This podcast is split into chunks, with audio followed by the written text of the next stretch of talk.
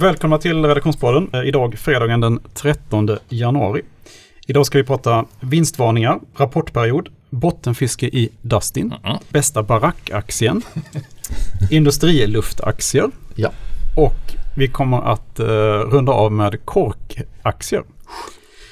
Eh, och, Späck, vi får förlänga det här till två timmar kanske. ja, det kanske blir det. kanske blir två delar minst. Och i studion har vi mig, Karl-Hans. Martin Blomgren. Ludvig Lönngård. Daniel McPhee. Vi är vi- inte ens i studion kanske man ska säga. utan Nej, vi har sitter ju på upp redaktionen här på grund av att det har blivit någon konstig dubbelbokning då. Så att är det dåligt ljud så behöver ni inte liksom mejla in om det utan då vet vi det. Då har ni förklaringen redan. Ja. Ja, vad säger ni då? Rapportperioden. Vi har vinstvarningar i Dustin idag va? Eller igår kväll. Nej, de kommer rapport. Men Kindred, Kindred, förlåt. Däremot, ja. förlåt. ja men det börjar dra ihop sig till vanlig rapportsäsong och då brukar det komma vinstvarningar innan. Och vi pratade om det tidigare i veckan att ja, men det har inte kommit så många. Men eh, då fick vi ju svar på tal rätt snabbt. Eh, men Kindred var väl den som jag tyckte var mest överraskande. Kom igår kväll. Är ju då Unibet-ägaren för de som inte känner till dem.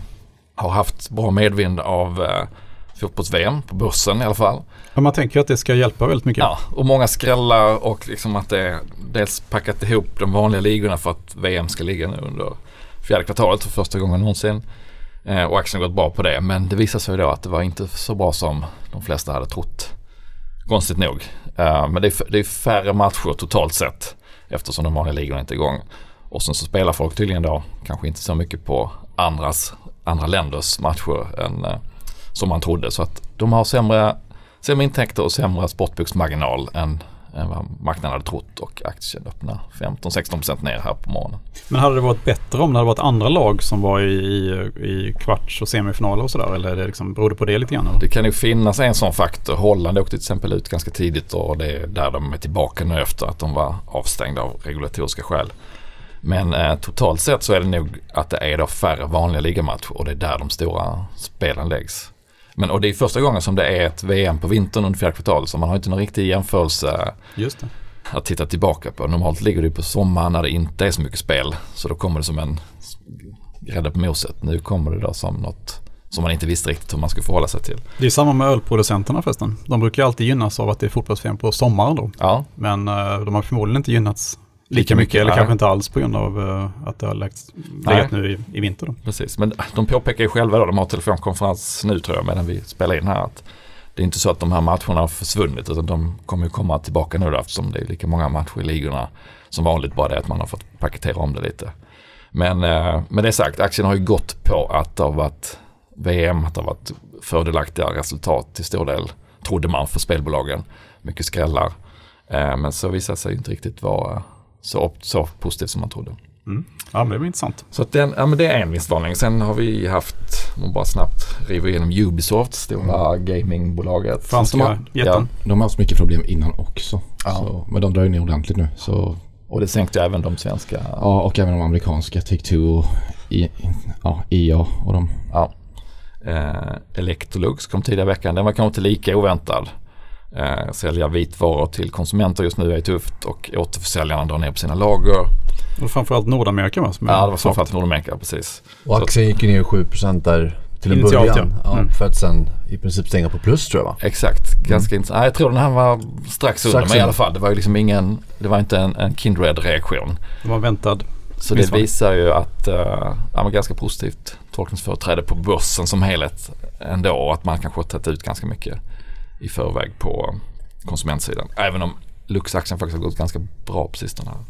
Men så har det också varit en del omvända. Boost som är återförsäljare av till exempel Björn Borgs kläder på nätet. Kom en omvänd vinstvarning och eh, Tobii som jag inte är speciellt insatt i men Jag tror jag läste någonting om att det var, gick bra i Kina. Och Ja. de ska vända till positivt rörelseresultat. och aktien stack. eh, Mm, 15 procent, 20 kanske till och Ja, med. 20 Ja. till och med tror jag. Så att, ja, men nu är det ju, det är ju sista dagarna innan det drar igång på riktigt här igen. I USA drar det faktiskt igång i, idag på riktigt med fyra Banker. storbanker. Bank of America, JP Morgan, Citigroup och Wells Fargo kommer redan idag. Och sen är det stängt tror jag på måndag i USA och sen kommer Goldman och Morgan Stanley på tisdag blir det då. Så där är det igång och eh, bankerna gynnas ju av höga räntor men samtidigt har ju investment banking-delen varit rätt så tuff förmodligen jämfört med tidigare eftersom det inte är så mycket Det är många börsnoteringar. som säger upp folk också i de där bankerna. Exakt. Mm. Stora besparingsprogram och eh, Goldman Sachs var ju senast ut här med drygt 3000 uppsägningar nu i veckan tror jag. Största sedan 2008 va? Ja, jag tror det. Så, men, och då ska man ha med sig att de har anställt rätt så friskt sista åren här när det har varit eh, hög, hög tryck på alla investment banking-delar. Men så det blir intressant att se och sen så är det väl en vecka till innan svenska rapportperioden drar igång så det kanske vi kan återkomma till lite senare. Men, Mm. så det är läget. Ja, men man får ju säga att eh, börsen har ju tagit ut det här eh, eh, året. Vi har ju startat i extremt positiv anda. Så Ja. att eh, börsen antar jag ser det som att det kommer att se ganska bra ut. Ändå. Åtta, ja, det är väl 8-9% upp i Stockholm. Det är liksom ett normalt genomsnittligt Ett- ett år, ja. börsår på en och en halv vecka. Men det var ju lite så det började 2018 också om jag inte minns fel. Ja. Och sen hade vi faktiskt ganska dåligt börsår efter januari månaden. Ja, det är ju lite intressant för att de senaste två kvartalsrapporterna så har det ju varit en dålig börs innan och sen så har rapporterna lite grann kommit in och räddat och, och visat att ah, men det är inte så farligt i den riktiga ekonomin som man kanske tror på, på börsen. Nu går man in i den här rapportperioden tvärtom då med att börsen är stark men bolagen, det blir upp till bolagen att bevisa nu något som de egentligen inte själva har tagit på sig då att, att det ska se så bra ut. Men, eh, så det, det höjer ju kraven på något sätt på bolagens rapporter utan att de själva har bett om det. Men det är väldigt mycket förhoppningar om att, eh, att Kina ska då få ekonomin, världsekonomin mjukland lite grann på grund av deras öppning. Eh, som jag tror har dragit börserna här i början. Och Ja. naturligtvis en väldig undervikt i Europa också. Eh, och det tillsammans då räcker kanske för att, Ja. att höja den så här mycket. mycket kassor som ska in på börsen igen kanske efter årsskiftet. Och amerikanska, nu kommer svenska inflationssiffran idag ju som var lite sämre än väntat. Men den amerikanska var ju i linje med tidigare i veckan. Så att hoppet om att räntehöjningarna har nått toppen eller att man ser slutet på dem i alla fall. Bidrar väl också då tillsammans med en eventuell mjuklandning istället för hårdlandning. Nej, Det känns ju som att börsen på något sätt prisar in att centralbankerna ska vända men inte anledningen till att de ska vända. Att Nej. det vill säga att vi får en eh, lågkonjunktur eller en, en ja, så att det är väl det som är lite intressant tycker jag. Så. Mm. Ja, det blir väldigt intressant att se vad bolagen säger om hur det går i den riktiga ekonomin. Du, vad händer med uh, inom barackbranschen nu då? Alltså med tanke på, eh, det, det, är inte, det är väl lite lågkonjunktur på gång Jo. inom... eh, man kan ju tro att det ska påverkas jättebrutalt. Och det kan det också göra. Men jag har ju kollat på det här, den största barackaktören i Amerika, Will Scott Mini Mobile. Eh, som är störst i USA då. Och även har lite verksamhet i Storbritannien och eh, Mexiko. och det är byggbaracker framförallt då? Ja, de har ju både baracker och containrar som man förvarar verktyg och så vidare i. Men det mesta är ju från bygg då. Men sen är det ju även affärer, det kan vara pop-up affärer eller affärer som man bara har i baracker liksom. Kan det vara sådana man, man bor i också eller? Ja, Ja. absolut. Allt. Alla baracker. Kontor. Ja, kontor kan det vara också. Eller kontor på byggplatser kan det också vara. Så det är ju allt möjligt. Just det, men affärsmodellen är att de hyr ut dem, Mm, precis, för det är leasing då att de Ja. hyr ut detta. Och det är väldigt lönsamt. De har- rörelsemarginaler på 24%. Oerhört lönsamt. Eh, och de gick, ju sam- de gick ju samman då, Willscott då som har barackerna med Mini Mobile som var ett bo- bolag innan och bildade det här Willscott Mini Mobile då. Eh, så nu är de den största aktören i USA och är fem gånger så stor som tvåan. Vilket ger lite skalfördelar. Så om vi till exempel vi har ett byggföretag och ska ha massor med baracker. Då måste vi gå till den största. Om vi är väldigt stora och ska göra ett stort projekt. Då kan inte vi gå till den här lilla lokala aktören för de har ju, de har ju inte tillräckligt- med baracker för oss och containrar. Så jag tycker det är en väldigt intressant affär. Och de förvärvar ju upp bolag hela tiden också så de blir bara större och större. De konsoliderar ju liksom marknaden. Hur stor del av marknaden har de då? Ungefär. Eh, baracker är över 50% och containrar 25% ungefär. I Nordamerika? Mm. Mm, det är väldigt dominerande. Så det är extremt stort. Eh, och risken i caset då är ju att det ska vara konjunkturkänsligt som vi pratar om här. Mm. Vilket det också är till en viss del för att det blir mindre nya leveranser om vi inte bygger någonting eller, och så vidare.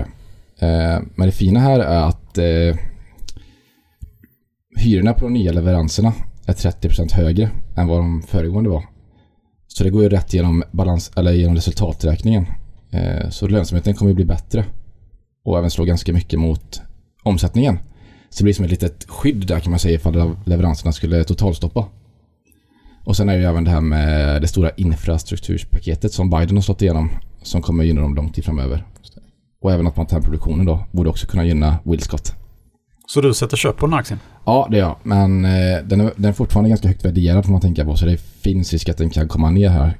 Vad har den Men för P talen det är PE 25 ungefär.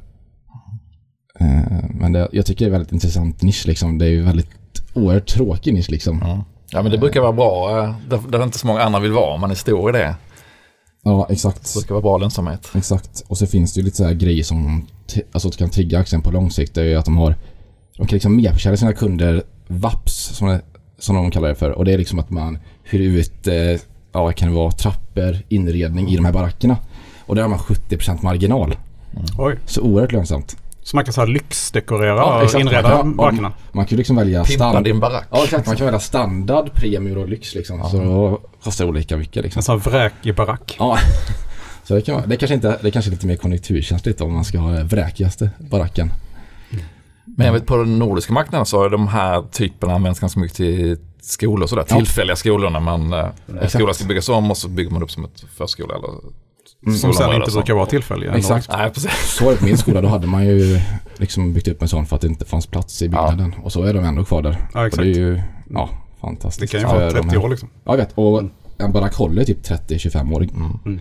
Så det är oerhört lönsamt. Kalkylen är väldigt bra på de här barackerna. Men finns de i Europa överhuvudtaget? De här? Nej, Nej, de inte än. Men de kanske kommer in hit. Det vet vi inte. Ja. Det var ju ett svenskt bolag noterat som var i den här nischen som blev uppköpt där ganska snabbt som jag har tappat Ja. namnet på nu. Men uh, Allergi. ja, jag minns faktiskt inte. Ja, strunt samma. Men eh, Ja. det var ju någon som plockade ut dem ganska snabbt från börsen. Ja. Och det finns för anledning till det kanske. Ja, precis. Så ja, ett spännande case. Ja. Som jag tror man kan Ja, på lång sikt. Eh, McPhee, du har ju kikat lite på um, eh, Eh, rening av eh, industriluft. Ja, exakt. Jag kollade ju tidigare på Cleaner som jobbade inom rökbås eh, och rening av luft. Men nu har jag tittat på två bolag inom in, industriluft eh, och luftrening där. Och det ena är Nederman och det andra är Absolent Air Care Group. Det är ju ett skånskt bolag i Nederman, så det har jag lite extra... Där klappar mitt hjärta lite, Helsingborg, lite ja. starkare faktiskt. Mm. Men inte Elator stora ägare där va? Ja, exakt. Eh, det stämmer. Så att, eh, båda de här bolagen har två kända investmentbolag som ägare. Eh, Nederman ägs då av Latour eh, till 30% och vi har Absolent Air då, som ägs till nästan 55% av Melker Schörling. Och eh, den gamla Ericsson-vdn eh, Svanberg äger ju 10% av det också. Ja, precis. Det stämmer bra. Sen ska man ju säga det att det bolaget heter eh, Mexab Industrier som eh, äger 55% men det är ett Melker Schörling kontrollerat. Det är deras förvaltningsbolag då. Eh, men båda de här bolagen jobbar eh, inom luftrening då som sagt, inom industrin. De rider på ganska Eh, starka trender inom olika delar och det är sådana här typiska ESG-case kan man väl säga och därefter är värderingen också. Eh, men de har en väldigt fin historik av lönsamhet eh, och tillväxt. Förutom då i pandemin som vi återkommer till senare. Då. Men de trenderna som de rider på det är att, eller mycket handlar om digitalisering. Och det är egentligen två komponenter i det. Det finns en del av att de, eh, eller det som de gynnas av i digitaliseringen är när industrin blir allt mer digital så blir det allt mer elektroniska komponenter. Och de här elektroniska komponenterna är väldigt känsliga för damm och partiklar och gaser. Och det gör att man måste investera allt mer i luftrening. Men förutom att kunderna eh, får, eller efterfrågar den här, deras produkter allt mer så kan de själva också erbjuda allt mer digitala produkter som de tjänar ännu bättre med pengar på och bredda sitt erbjudande. Då.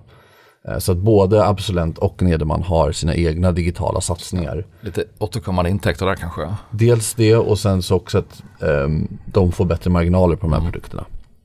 Eh, så att eh, de, med de här produkterna så kan de mäta och rapportera och följa upp egentligen hur eh, det ser ut. Då. Så det är det.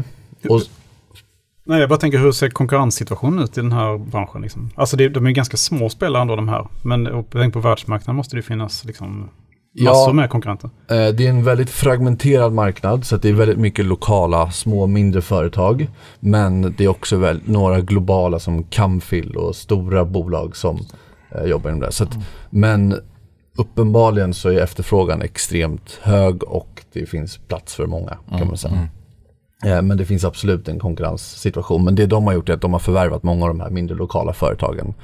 Eh, Så att eh, det man kan säga är att Nederman är värt ungefär 6 miljarder idag. Och Absolent är värt ungefär 4,5 miljarder. Så att, ja, som du säger, i ett globalt perspektiv är de relativt små, men det är inga jättesmå bolag. Eh, men det där är en rätt så skön storlek att gå in i bolag om de har en lång resa framför sig. Ja, visst. Alltså det finns mycket ur aktieperspektiv mm. kvar att göra om, om det går bra jämfört med att gå in på de allra, allra största. Och om branschen ska konsolideras sen också. Precis. Kanske en Handleberger då? Exakt. eh, och sen kan man också... i backarna nu. De rider mycket på att de regulatoriska kraven också förväntas öka fortsatt. Och det mm. handlar inte bara om, eh, så att säga, det, det är inte bara miljö utan det är också sådana saker som arbetsförhållanden till exempel. Och där, för det här är i fabrikerna och där folk arbetar. Eh, så att, eh, och båda hade stora utmaningar i pandemin som man kan tänka sig med tanke på att fabrikerna fick stänga ner. Det är ju rätt självklart. Tappade omsättningen ungefär med 15% 2020. Mm. Men båda, det som är intressant är att båda visar att de har lyckats återhämta det här väldigt starkt och ganska snabbt. Så båda tog fart och började växa igen under 2021. Mm. Och har visat sig kunna växa fortsatt in här i 2022. Framförallt Absolent har mer tillväxtkaraktär men är också värderad därefter ska man säga. Eh, så och det är väldigt liten free float i eh, Absolent va? Ja, i, framförallt i Absolent men även i Nederman. Så det är väldigt dålig likviditet i aktien och det ska man ju verkligen ha med ja. sig om man skulle investera i någon av de här mm. bolagen. Men jag tycker båda är väldigt intressanta. Eh, som sagt, inga billiga aktier. De har ESG-stämpel men rider på extremt starka trender i, i eh, ja, vad ska man säga, extremt starka trender i generellt båda. Mm. Och vem vinner matchen då? I det här fallet så vann Nederman och det är en värderingsfråga. Mm. Eh, de har lite sämre marginaler, eh, stod emot dock pandemin något bättre. Eh, men ehm, jag tycker ändå att ja, den värderas ungefär P16 på de enklare skisserna jag gjorde för nästa år. Mm. Medan Absolent hamnar på P26. Mm. Så det är ganska stor skillnad i värderingen då. Men det är klart, skulle Absolent fortsätta, de växte ju betydligt snabbare. Så att skulle de fortsätta med den tillväxten så är den fortfarande väldigt intressant. Mm. Men just i det här fallet så blev det Nederman. Mm. Ja, det låter, det eh, låter intressant. Jag har ju själv ja, ägt Nederman fram och tillbaka flera gånger, men mm. det var länge sedan nu. Mm. Och äger faktiskt Absolent. Ja, okay. En liten släng. Ja. Har gjort det i väldigt många år. Så det har varit bra. Mm. Ja, men du äger inte Dustin eller? Nej, det gör jag inte. Nej, borde du göra. Kanske.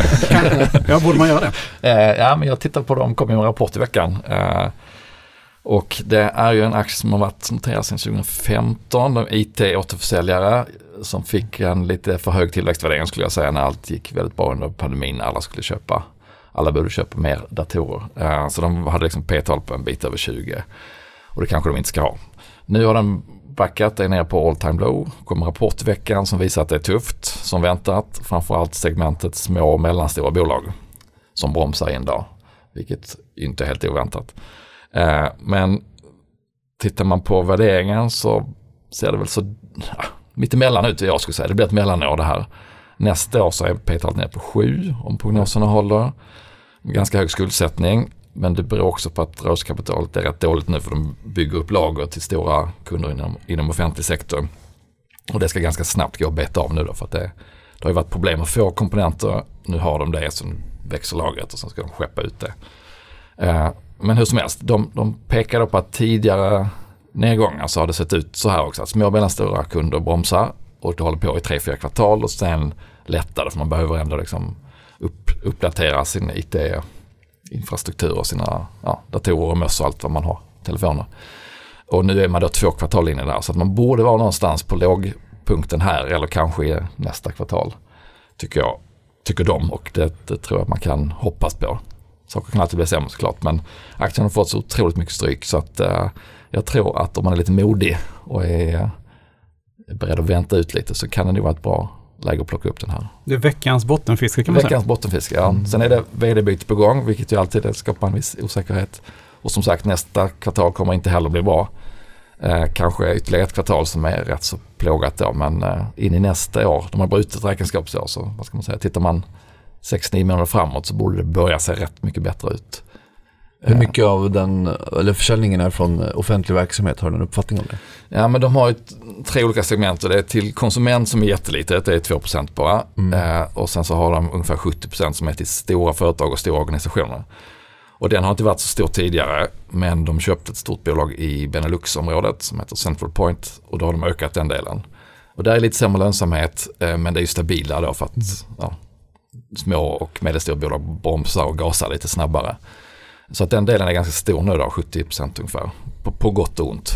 Eh, men det de vill göra är ju att ta det de är duktiga på sedan tidigare i Sverige och Norden, små och mellanstora bolag och sälja det även då i det här nya Beneluxområdet, nya för dem, Beneluxområdet.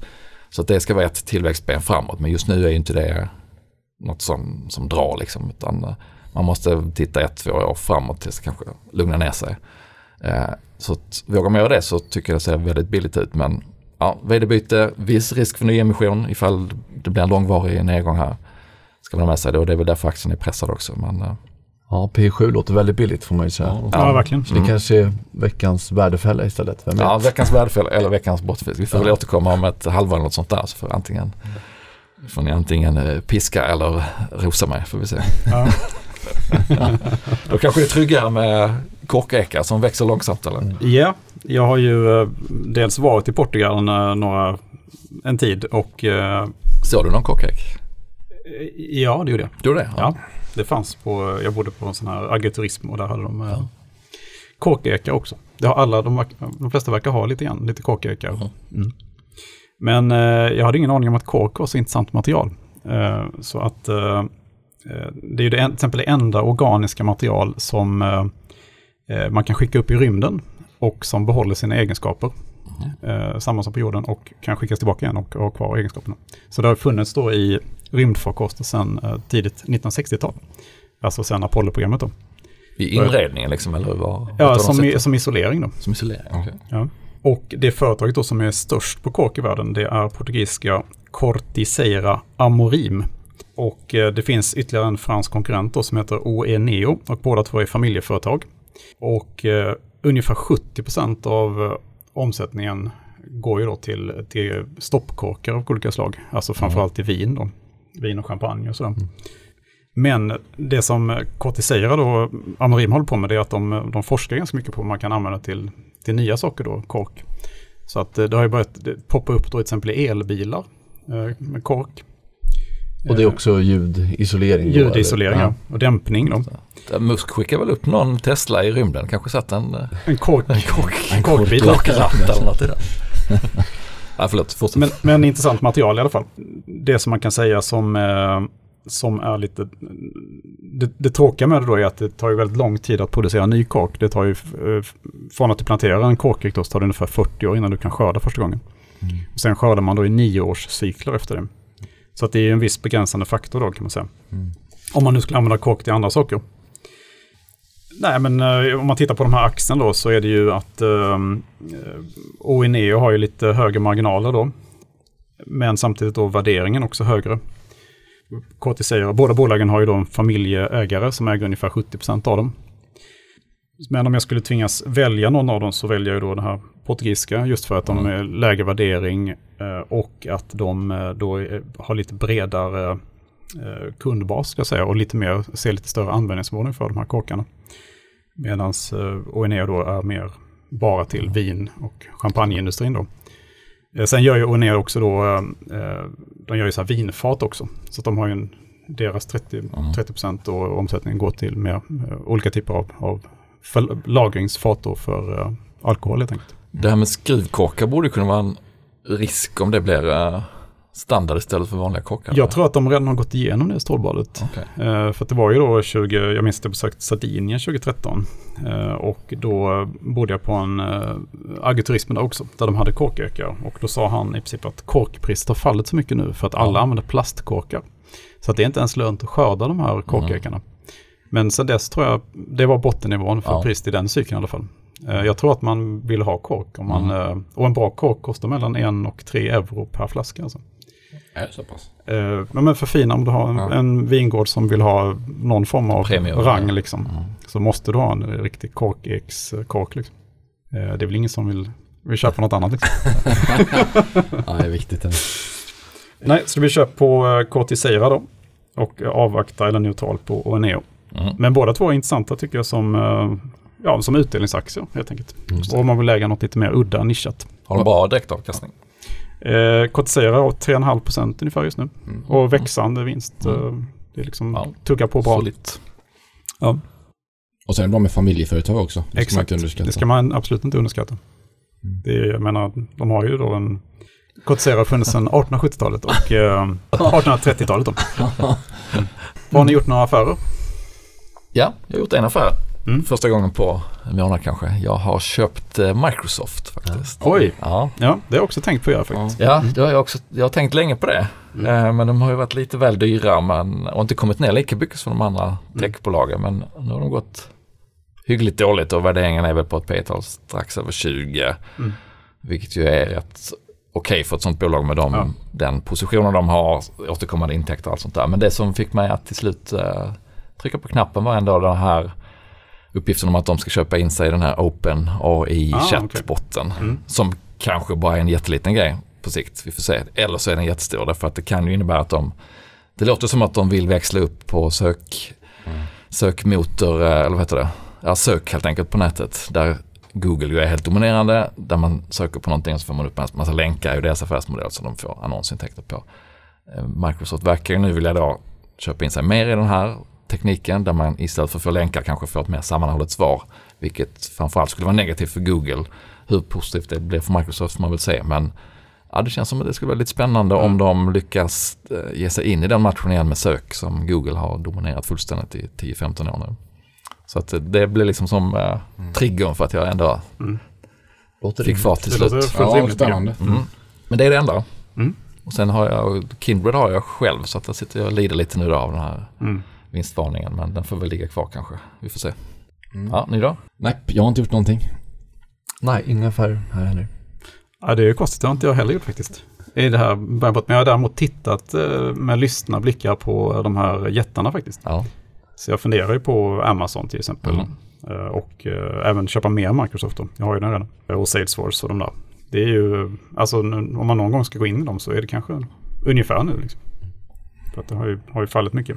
Och på lång sikt borde det vara bra. Man kan väl hålla koll på rapporten här och se. Mm. Trillar in snart. Mm. Det är återigen det som gör mig lite rädd då är ju att ja, en eventuell eh, lågkonjunktur då i USA. Liksom. Ja. Eller en, en nästan lågkonjunktur. Så att det är väl det som gör mig lite försiktigare. Och eh, mm. litar väl inte riktigt på den här börseuforin i Europa. Nej, man ska nog inte vara helt, eh, ta ut för mycket förskott alltså, av att det har gått bra ett par dagar här i början på året. Utan eh, det blir väl lite upp till bevis här i rapporterna. Ja, då stänger ja, vi. Ja. Yes. Trevlig helg. Trevlig helg. Trevlig helg.